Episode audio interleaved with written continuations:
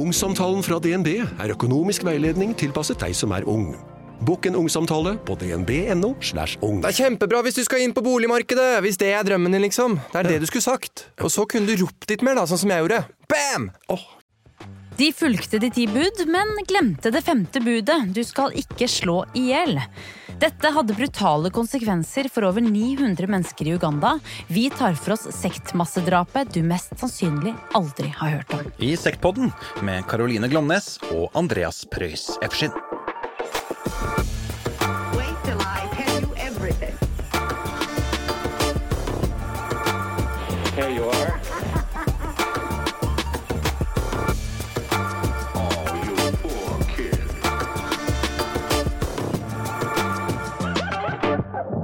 Det er 17. mars år 2000. Dagsrevyen åpner sendingen sin med en presentasjon av Jens Stoltenbergs første regjering. Deretter blir det snakk om Bente Martinsens sjanser i verdenscupen, og de er raskt innom en boligbrann på Spikkestad, der to menn mister livet. Ikke ett minutt er viet det som muligens er tidenes mest ekstreme sektmord. Kanskje fordi det ikke er av interesse, kanskje fordi det skjer så langt unna som Uganda. For mens to menn tragisk nok har gått bort i en boligbrann på Spikkestad, har godt over 500 mennesker brent seg selv inne i et kirkebygg i Kanungu. Øyevitne Joy Kasusu forklarer. oshongosha All the people of the village were running to the church. We found many dead bodies, many children. Everywhere you saw skulls. The skulls looked like burnt cobblestones, and all the bones were burnt black. That's how they died. De ugandiske etterforskerne skal etter hvert avdekke flere massegraver og til slutt telle opp over 900 lik. Kvinner, menn og barn. Hvordan i all verden kom vi hit? Yes, Hva kan du om Uganda, Karoline? Lite. Veldig lite. Veldig lite. Ja, det er jo, Dette landet er jo representert i eh, Book of Mormon. Jeg tenker Eh, bare Book of Mormon. Det er helt sjukt. Det er helt sjukt, ja. Ja. Men det er jo mer, altså det er jo et land rikt på naturressurser og dyreliv. Ja. Og en tidligere engelsk koloni som ble uavhengig fra England i 1962. Det ligger i den østre, sentrale delen av Afrika og er naboland med Sør-Sudan, Kenya, Rwanda, Den demokratiske republikken Kongo og Tanzania. Da fikk du litt info på, på dette, Karoline. Tusen takk. Presidenten han har sittet i eh, mange år, siden 1986, og store deler av landet er religiøst, der flesteparten, nesten 40 er katolikker. Merk dere det. Og det er på 80-tallet at vår historie starter. Vi skal snakke om en sekt som heter, nok en gang en veldig sånn krøkkete The Movement for the Restoration of the Ten Commandments of God er det offisielle navnet på denne Ja. gjengen. Ja. Det er ikke catchy. Det er ikke catchy i det hele Nei. tatt. Uh, men jeg kan jo godt si at kanskje den sekten er. Altså, det er jo en veldig interessant historie. Ja. Uh, og på 80-tallet så uh, var det en slags Kall det epidemi, eller kan man kalle det det? Altså, det var veldig, veldig, veldig mange som hadde ulike syn.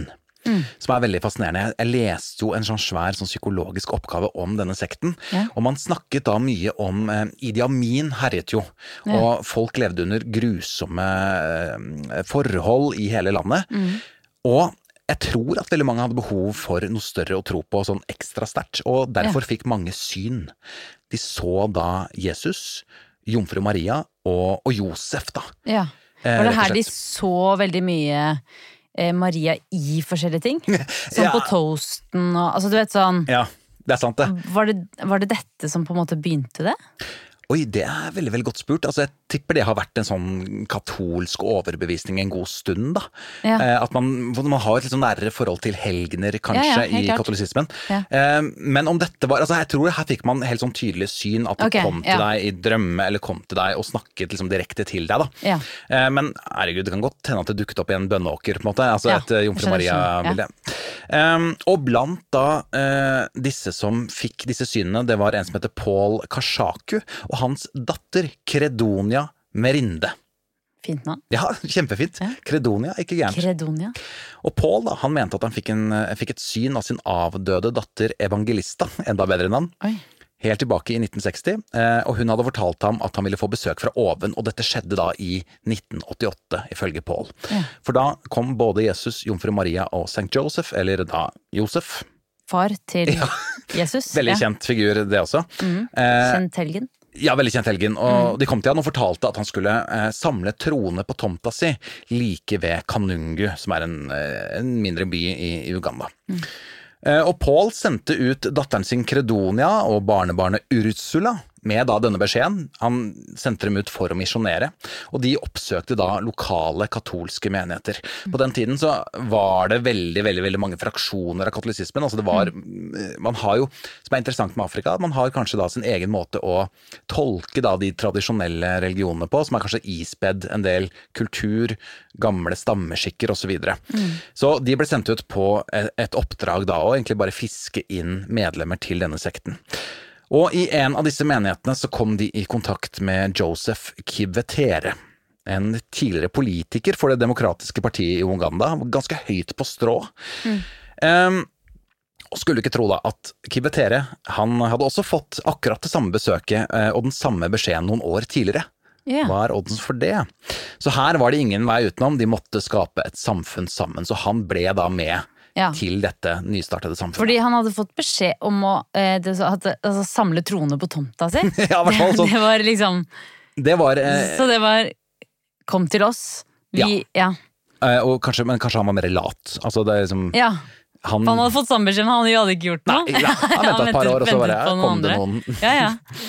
Og de rekrutterte jo da, altså de var gode på rekruttering, fordi de fikk tak i en god del prominente nonner ja.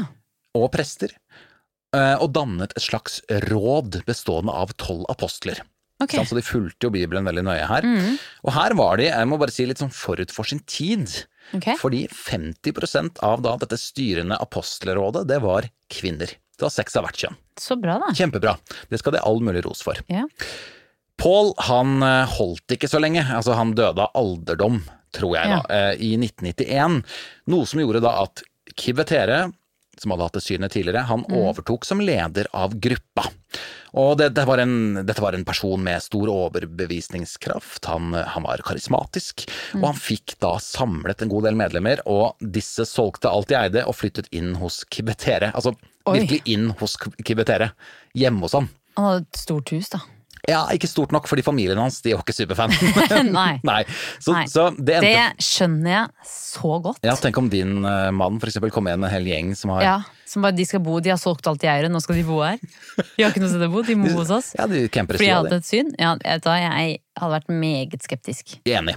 Så det førte jo da til at Kivetere og menigheten de, de ble kasta på gata, og eh, Ja. er var nødt til å flytte, da. For familien digga ikke de greiene her. Nei. Eh, Så de flytta til en av gruppas eldste medlemmer i nærheten av den kongolesiske grensa. Ja. Og dette stedet valgte de å kalle, jeg prøver meg, Ishayuro Rya Maria. Ja. Eller oversatt til norsk, stedet der jomfru Maria skal reddes. Mm. Her bygde de opp et lite samfunn med blant annet flere skoler. Samfunnet var i stor grad selvforsynt med banan- og ananasplantasjer, altså de, var, de jobbet med jorda, rett og slett, var bønder. I tillegg så fikk de også tak i da en veldig anerkjent prest fra det store USA, Mm. Dominic Kataribabo, som hadde en doktorgrad, og han ble med i sekten, noe som også da hjalp veldig på rekrutteringen. Ja. For man hadde en veldig sånn overdreven respekt for predikanter fra USA, har jeg skjønt. jeg tror det, det, henger, det henger i. Mm. Altså sånn, jeg tror vi, når vi ler jo mange, i hvert fall, altså, har holdningen til USA og amerikanere og sånn, Mm. men vi har allikevel en sånn derre Vi syns de er litt kule. Det betyr noe litt ekstra Ja, det betyr noe litt ekstra. mm, amerikanere preker. Ja.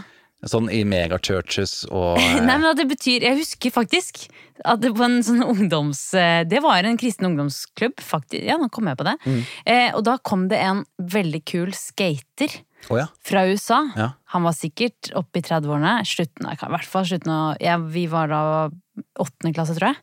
Og han skata og snakket om Jesus. ja. Og var Altså, det var Jentene var så forelsket i han. Og jeg tror det var mye fordi han var amerikaner også. Ja, det hjelper veldig. Ja, ja. Men var han sånn, sånn Jesus, han, eh, han kan kickflip? Var han litt på det nivået, eller? Han var veldig Altså, han gikk i skateklær.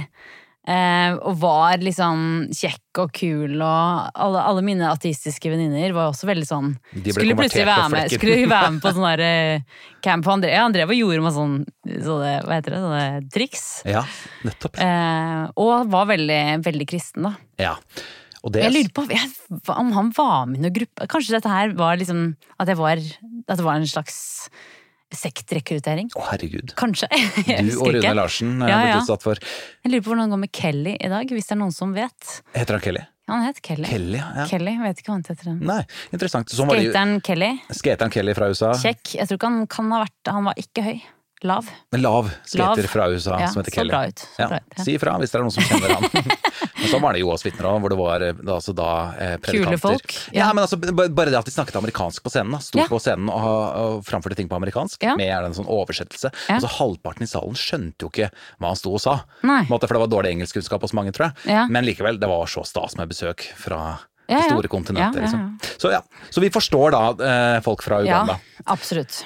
Ehm, ja. Uh, Credonia Merinde, denne Ja. datteren til den originale stifteren, spilte også en viktig rolle når det kom til å holde da de nyvervede medlemmene i sjakk. Mm. Hun eh, påsto at hun kommuniserte direkte med jomfru Maria via et slags telefonnett, der alle hverdagslige objekter fungerte som, altså da som rør. Altså hun kunne Oi. snakke med jomfru Maria gjennom typ brødrister og gjennom altså, Måtte hun ha sånne type gjenstander, på en måte? Ja, altså det sto dagligdagse, hverdagslige gjenstander. Eh, Ja. Og det var tydelig at liksom, dette var jo fasttelefonstid, så det Ja. et eller annet sånn at uh, Merkelig måte å kommunisere på, men ja. Ja. Så jeg kan se for meg at hun bare kunne si sånn du, nå hører jeg det bordet her, gjennom det bordet så hører jeg jomfru Maria. Oi, ja. Så på den måten så hadde hun hele tiden kontroll over hva jomfru Maria sa til gruppa, da. Mm. Um, og som jeg sa i stad også, har flere eksmedlemmer uh, pekt på at Ugandas uføre på den tiden her var grunnen til at mange ble med i sekten. ja. Man gjorde, mange gjorde opprør mot uh, den katolske kirke på den tiden her, Uh, og dette var jo også da idet aids-epidemien herjet som verst, som veldig mange så på en straff, som en straff fra Gud, da. Ja. Rett og slett. Og det var veldig mange prester og høytstående embetsfolk i Uganda som også var innblandet i ulike skandaler. Så den tilliten til den katolske kirke og til myndighetene var veldig lav, da. Sentralt i troen så var naturlig nok de ti bud. Ja. Um, og mye handlet om at man skulle leve veldig bokstavelig etter dette. Mm. Og gjerne mer konservativt enn vanlige kristne gjør. For fordi, eksempel. fordi de skulle liksom dra det lenger, på en måte? Jeg, jeg ja. tror, tror det var en måte å liksom eh, gripe tak i den kristne tro, hva det egentlig handler om. Mm. Det er ikke utsvevende prester, det er ikke misbruk av Guds navn. Det er rett og slett disse ti Ti bud, læresetningene. Ja. Og særlig bud åtte, som, du, som da er, Karoline. Eh, ikke tale dårlig Usant. usant om din neste? Yes, helt riktig. Ja, Den, eh, det budet tok de utrolig, utrolig på alvor. Okay. For det førte til at folk stort sett bare gestikulerte og brukte tegnspråk til hverandre. Du kan jo ikke snakke dritt selv om du snakker tegnspråk. Ja, du kan sånn, det, du kan det. Jo, jo, men det er ikke, hjelper ikke, mener jeg. Altså, sånn, du kan jo si my like mye det er dårlig å herme etter folk òg. Ja. Det, det vil jeg si. ja så det er Men, men uansett, altså, de, de turte ikke snakke Eller de ville ikke snakke i frykt for at de skulle komme til å si noe stygt. Ja, helt riktig. Ja. At tunga skulle løpe løpsk eller et eller annet. Og derfor var det lettere å bare Ja. mime, liksom. Mime. Det var Ja. veldig mye stillhet, tror jeg, i den, eh, i den menigheten. Altså, det var veldig sånn lite volum. Ja.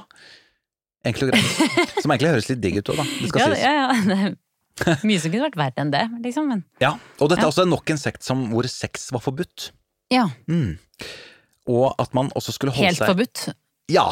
Ja. Det virker så, eller i hvert fall veldig sånn eh, Veldig frarådet er vel ordet som Ja. eh, brukes her. Ja. Liksom, Det er mulig at man skulle på en måte ha sex for å få barn, men det Kun da. utover det, så var det bare ikke gjør det. Nei. Man skulle også holde seg unna medisinsk hjelp, som ikke er et godt tips. Nei. Komplekset som ble bygget, altså det ble en liten landsby ut av dette her, som Mm. det blir med mange sekter, eh, ble referert til som Noas ark. Ja. Ja. Og det ble sagt at Jesus skulle returnere da til akkurat dette stedet, og hvorfor han skulle dukke opp på landsbygda i Uganda, det er for meg uklart. ja, litt uklart. Men heller, altså hvis jeg hadde vært Jesus, Mm. heller Uganda enn Knutby. Ja, det er jeg enig i, ja, Ja. for det er samme problematikk med Knutby. Ja, Hvorfor skal du dukke opp der? Ja, enig, Uganda er varmere. det er gir mer mer, mening. Ja. Men de har ikke den kroa der, det har de ikke, som de har i Knutby. Nei, men den tror jeg man kunne vært foruten. Ja, enig. Gruppa var organisert på følgende måte. Det var Kibvetere som var den enerådende på toppen. Mm. Deretter hadde han det rådet bestående av tolv apostler under seg, og deretter igjen så var det tre grupper. Det var novisene, altså nybegynnerne som alltid gikk i svart. Noobs.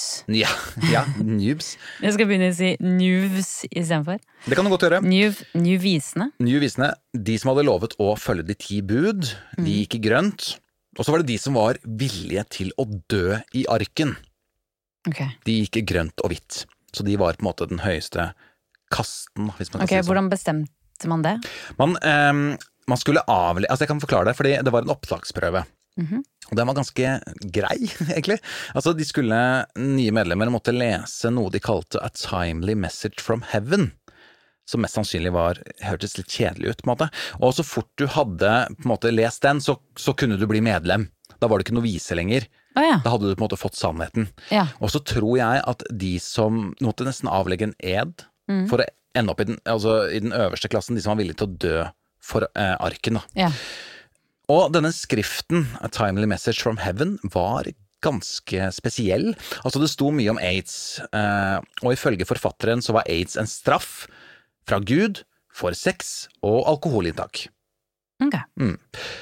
Skriften langet også ut mot eh, tradisjonelle medisinmenn, og det er også interessant fordi man har jo disse tradisjonene i Afrika, at det er mange som mener at de kan kurere folk, hile folk ved hjelp av ting de finner i naturen. Du har disse medisinmennene, en helt annen kultur. Det var ikke aktuelt i denne sekten. Nei. Og um, så sto det også at hunder og katter allerede var besatt av djevelen, som skulle ikke holde husdyr. Nei. Hva tenker du om det? For jeg syns jo dette er helt jævlig. Ja. Ja, ja, ja, ja. jeg vet ikke hva jeg skal si. Nei. Men altså, hadde de, de, hadde, de drev jo bare plantasjer, da. Ja. Gårdsbruk uten dyr, på en måte. I hvert fall uten hunder og katter. Ja, Som sikkert var skitne altså, Igjen, da, det kan jo være med at liksom, altså, jeg tenker er at det, Hvis det er villhunder og villkatter, så syns jeg det er helt greit at man holder dem på avstand. Ja. For de mente jo at Satan slåss med menneskeheten gjennom katter og hunder. Ja, Så er det sikkert mange som blir angrepet, da. Ja, det kan godt være. Ja. Mm, det kan godt hende. Teksten fordømmer også andre land, ganske krass mot andre land. Altså, Uganda får jo selvfølgelig høre det. Det langer jo ut mot myndigheter og prester og sånn i Uganda. Mm. Men også Londons lyst på ondskap vil fullbyrdes, står det i den teksten her. Ja. Syndens by var London, tror jeg, for, eh, for denne gjengen her. Mexico får også en hilsen, de altså, får også et eget avsnitt. Eh, og der, var det, altså der står det tungvåpen som transporteres gjennom deres land vil utslette fem andre land. ja. Eh, og Frankrike får høre at latskapen deres vil ikke tillate dere å holde ut straffen som vil ramme dere helt til dere blir ødelagt av klagesang. Mm. Litt sånn dårlig oversatt der, men det er det som står. Så det er eh, eh, tydeligvis da i hvert fall en sånn fuck you-finger til Vesten på en eller annen måte. Altså den synden Vesten lever i. Da. Det er sånn Ja. jeg tolker det. Ja. Eh, I tillegg så står det, og dette er ganske interessant, eh, står på engelsk eh, All of you living on the planet, listen to what I'm going to say. When the year 2000 is completed, the year that will follow will not be year 2001. The year that will follow shall be called year one in a generation that will follow the present generation. Med andre ord, dette var jo en Ja. dommedagssekt. Helt klart. I tillegg så gjorde de mange sånne klassiske katolske ting. De hadde messer og lignende, men på grunn av da fokuset på de ti bud, altså dette helt ekstreme fokuset på ti bud, og dommedagstenkingen, at de da hadde en ganske klar dato for dommedag, så ble de ikke regnet som ekte katolikker av den sentrale menigheten i Uganda. Nei. Og Jesu tilbakekomst, som vi sa i stad, så var sentral, og medlemmene ble fortalt at jomfru Maria, hun holder et øye med dem hele tiden. Ja. Og som vi har vært borti før også, det var vanskelig å komme seg både inn og ut av det komplekset de bodde på. De ble også fortalt, ingen overraskelse det, at alle ville få viktige roller når apokalypsen ville inntreffe. De ville være de som overlevde, og de som skulle bygge opp verden videre. Ja. Og år 2000 nærmet seg med stormskritt. For det var nyttårsaften, eller? Det var Ja. liksom 1. januar år 2000. Ja, for det er så mange det, altså, det, det er så interessant det der hvor mange som faktisk fikk så mange tilhengere i 1999. Mm. Hvordan folk var liksom derre Og jeg husker faktisk selv da jeg gikk jo på sånn musikalteatergruppe. Ja. Og der var, husker jeg noen av de store barna sa sånn Ja, verden kommer til å kollapse, og alle datamaskiner kommer til å bli ødelagt, det kommer til å bli masse branner og sånn. Ja. Husker dere, altså, og det var jo ikke religiøst, eh, men de sa at liksom, det var mange som sa sånn Snakket om dommedag. Ja, ja. Eh, Y2K. Ja, ja, ja. Husker du det? Ja. Og det var jo et eller annet med at uh, maskinen ikke klarte å lese overgangen Ja, fra det var det de- ja. til år 2000. Det er det folk sa. Mm, det var det. At de ikke kommer til å takle det. Men det gikk helt fint. Det gikk helt fint. kjempebra. Ja. Heia maskiner! Ja, heia maskiner. Men i 99, da, jo bare kjapt også, jeg nevnte før, men keeperen Carlos Roa, fotballkeeper, Ja. han var jo sånn ekstremt troende fyr fra Argentina. Mm. Spilte fotball på et veldig høyt nivå, men han la opp rett før år 2000 og trakk seg tilbake i en sånn hule med en sekt i Argentina. Oi. For da å liksom være med på eh, oppreisningen, da. Ja. Eh, og, som aldri ble noe av. Og det, da er det jo vanskelig Nei. å komme tilbake igjen i garderoben og Bare, sånn «Halla, gutta!» Hallais! Du, jeg tar den kontrakten likevel, jeg. ja. Det er vrient. ja. Eh, og i 1999 så så man da en økning i aktivitetsnivå i gruppa. De de solgte jo unna det de eide, eh, Mm. Ja. som klær, dyr, utstyr osv. Mm. og alle medlemmene ble oppfordret til å skrifte sine synder. Ja, det, man- det er jo er generelt, da. Ja. Ja. Nå skulle man rense på en måte eh, hjernene, for å si det sånn. Men det syns jeg er fint. Det syns jeg man skal gjøre hvert nyttår. Ja. Altså, prøve, jeg er veldig fan av nyttårsforsett. Ny start. Ja. For meg er liksom nyttårsaften ja, det, For meg er det noe spesielt. Ja, og det er fint. Ja. Eh, man fikk også hanket inn en god del eksmedlemmer. Altså nå var det sånn her, de, Folk hadde jo forlatt denne sekten også, men nå er det så kom nå, De kom nå, tilbake, ja. de kom, Skjønte at kom nå var det alvor. Og man gjorde seg klar for da, som du sa i stad, 1. januar år 2000. Mm. Og eh, en avis i Uganda gjorde et intervju med et tenåringsmedlem i gruppa rett før, Ja. og han sa, direkte sitat, at verden den går under neste år, vi har ingen tid å miste, vi har ledere som prater direkte med Gud, hvert øyeblikk nå, når verden går under, vil alle troende som befinner seg på et ennå ukjent sted, bli reddet. Ja. Og så kom jo den magiske datoen, 1. januar år 2000, og ingenting skjedde. Nei. Nei. Og det har vi vært borti før. ja. Da blir det jo dårlig stemning. Da blir det dårlig stemning, ja. Folk vil ha tilbake pengene sine, ja. selvfølgelig. Altså, Nå har vi solgt unna alt vi eier og har her. Hvor er frelsen vår?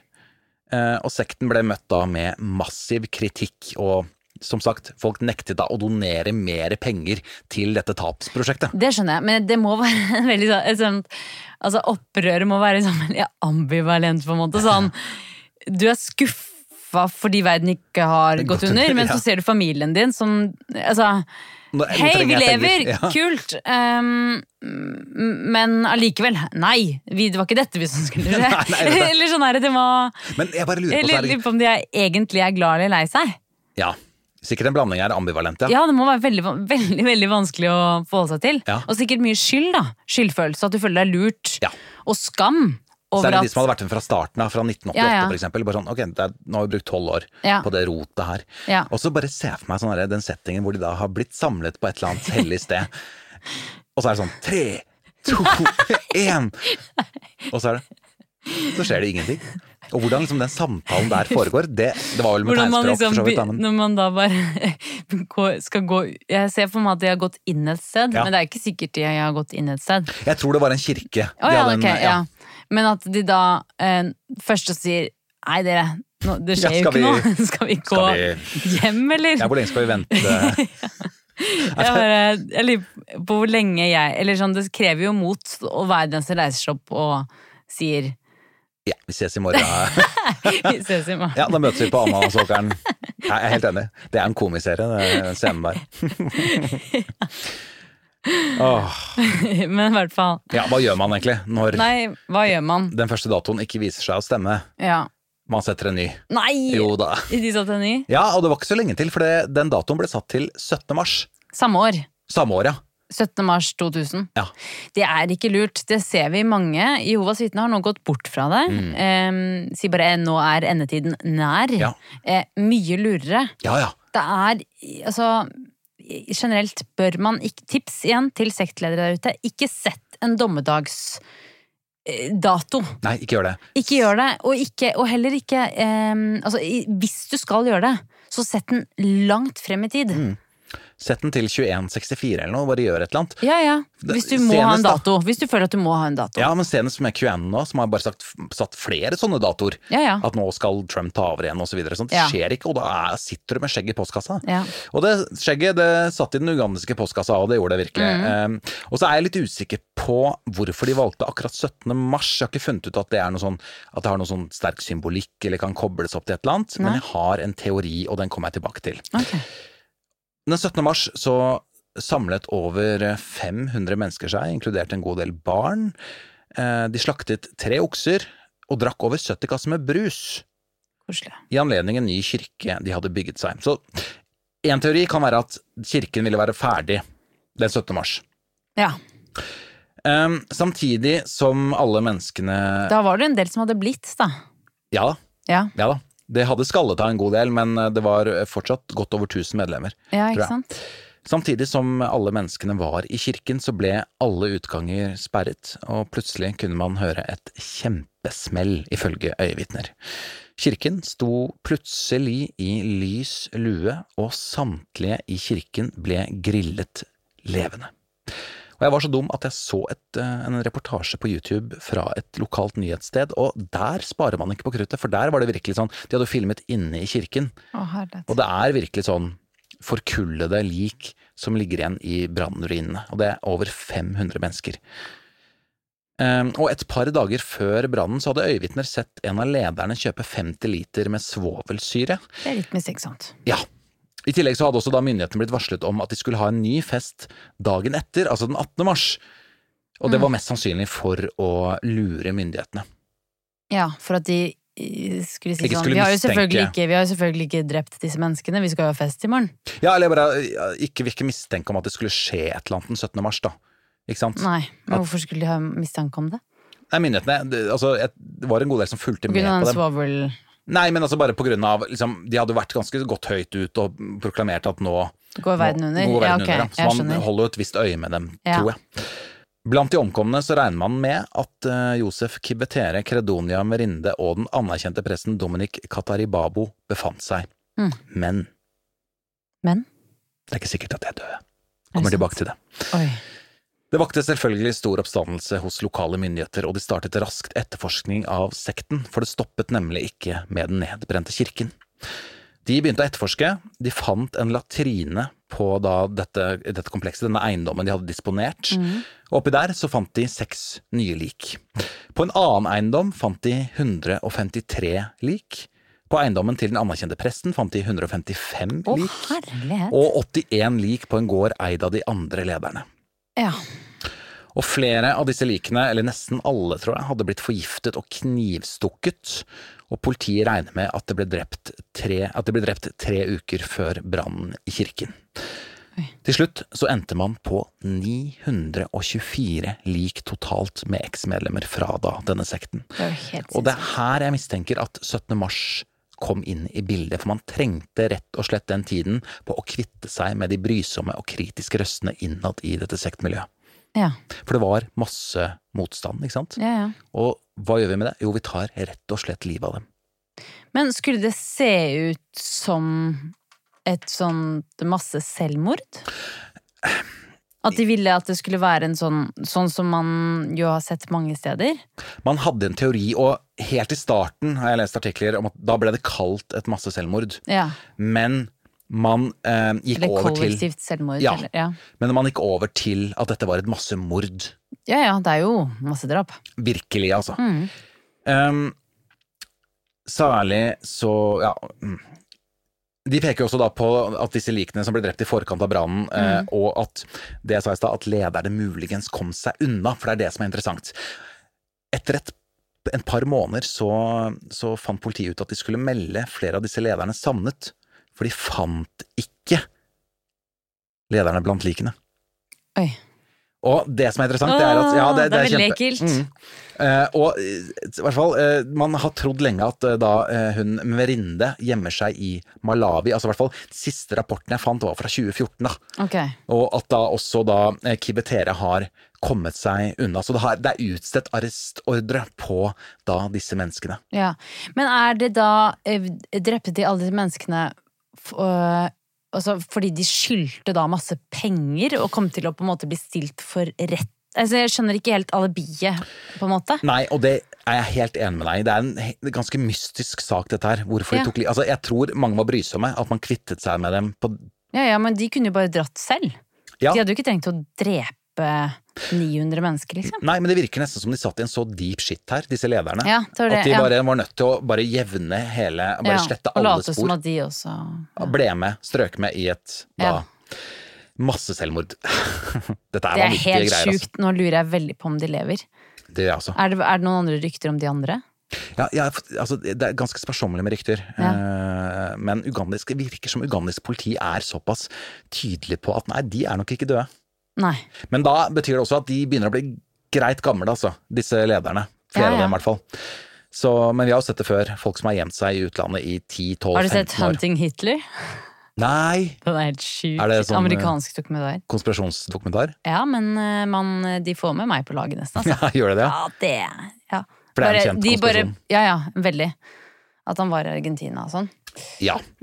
Ja, det er en annen Liten podcast. avsporing. Det er en annen podkast, ja. Eh, Judith Ariho, et eh, tidligere medlem, hun har gitt en ganske sånn omfattende forklaring av hvordan det var å være i sekten. Mm. Hun kom seg jo ut da ganske lenge før dette massedrapet. Mm. Men hun forteller at hun hadde ansvaret for en av avdelingene i sekten med rundt 100 medlemmer. Altså det var jo organisert i litt eh, Det var liksom et hovedkvarter, Mm. og så var det en god del sånn mindre grupperinger rundt om i distriktet, da. Ja. Hun hadde ansvaret for 100 medlemmer. Hun forteller at livet stort sett dreide seg om bønn og arbeid i jorda. Mm. Man gjorde alt man kunne for å unngå å synde, og hvis man syndet, så måtte man eh, resitere en bestemt bønn. De hadde en sånn viss bønn, tusen ganger. Ja. Det er mye. Det er mye. Det blir du sliten av. Eh, og hun forteller også at de alle var overbevist om at lederne deres gråt blod hvis de syndet. Ja.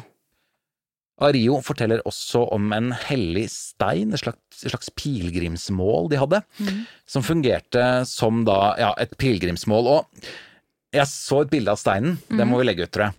Okay. For det, det minner vagt, det er vagt altså, om jomfru Maria.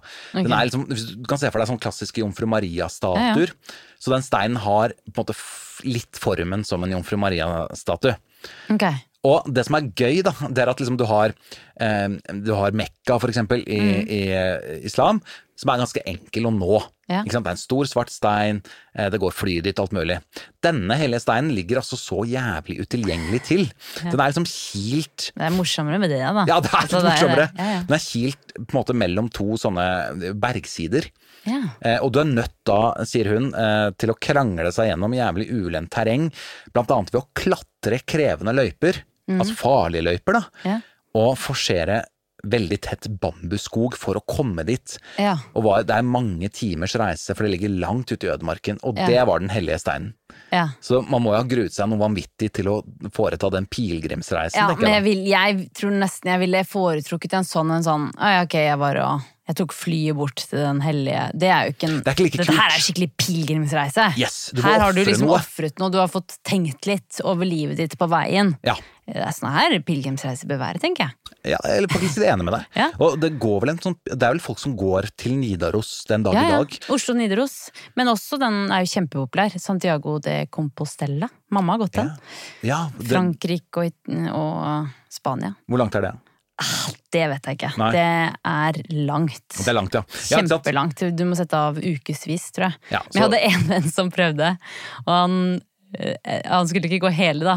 Men gikk, han gikk i to dager, og så endte han opp eh, på en, eh, på en uteservering i Ja. Barcelona. Lett å bli sittende der. Ja, det skjønner jeg veldig godt. Men så, jeg har, faktisk, det har jeg respekt for. Folk som bare piner seg gjennom lange avstander og vonde sko og De gnagsårene fra mamma sin tur altså den, Jeg har ikke sett sånne gnagsår i hele mitt liv. Men jeg må også si, jeg har også respekt for de som da ender opp på uteserveringen. Og ikke det er sånn Jeg skal ikke fullføre Nei. hvis ikke jeg føler at det gir meg noe heller. Nei. Og da syns jeg det er veldig Det står respekt av å si vet du hva, jeg klarte det ikke. Nei. Jeg endte her. Ja, Og det går også fint. helt enig. Eh, det som er litt trist her, da, Karoline, det Ja. er at ofrene for denne forferdelige tragedien aldri har fått en skikkelig avskjed. Ja, det er ikke noe greit. Nei, for her var jo kanskje ugandiske myndigheter bare liksom «Ah, Nå er vi kvitt en veldig brysom gruppe. Mm. Vi bare hysjer det litt ned. Litt som man gjorde i Guyana med, med Jonestown også. Ja. Um, så det fins Foreløpig så fins det ingen graver, ingen minnesmerker over disse falne menneskene. ja, det er ikke greit. Nei, det er ikke greit i det hele tatt, for det er jo sikkert mange skjebner også i, i denne sekten. Mm. Eh, og i dag er sekttomten eh, omgjort til en teplantasje, men jeg leste et intervju med eieren av teplantasjen, Mm. og han var ganske positiv til at de skulle få til et minnesmerke Ja. på dette stedet, og det syns jeg man skal. Bare for å minnes historien og minnes de menneskene som Helt omkom. klart. Og så, som jeg sa i stad også, eh, hold utkikk etter lederne, for Ja. de døde neppe i mordbrannen. Det disse lederne kan smykke seg med, da, de lykkes jo ikke med dommedagssekten sin, det kan man si. Eller lykkes de? Hvem vet? Men de har også vunnet en, eh, en satirisk pris okay. som jeg aldri har hørt om før, som heter eh, Det skrives i IG Nobel Prize.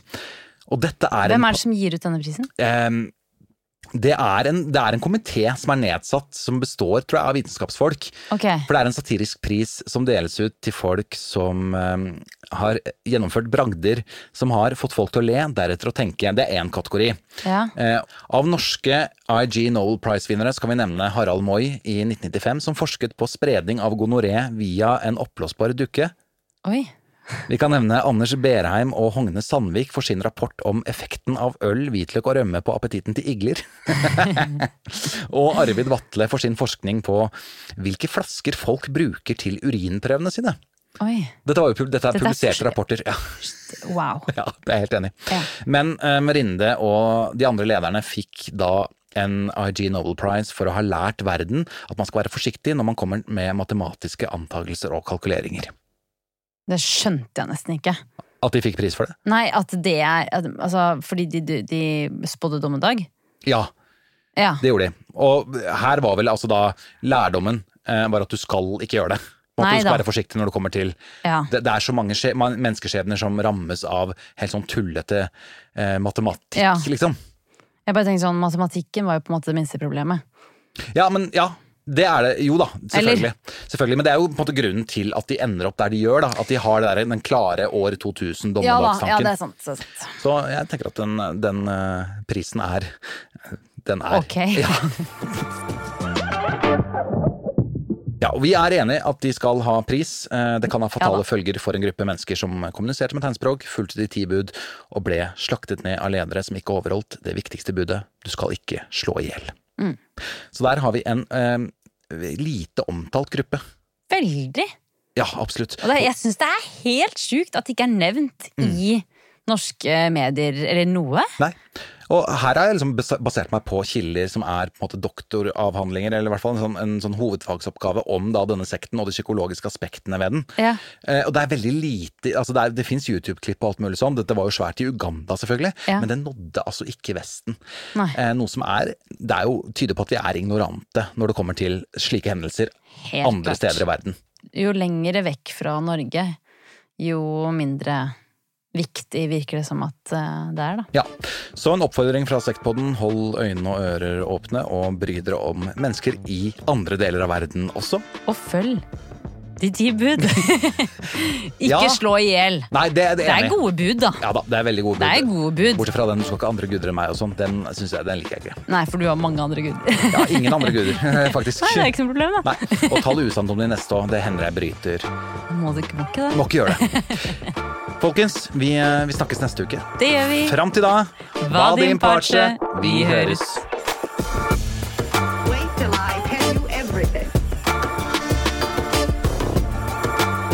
There you are.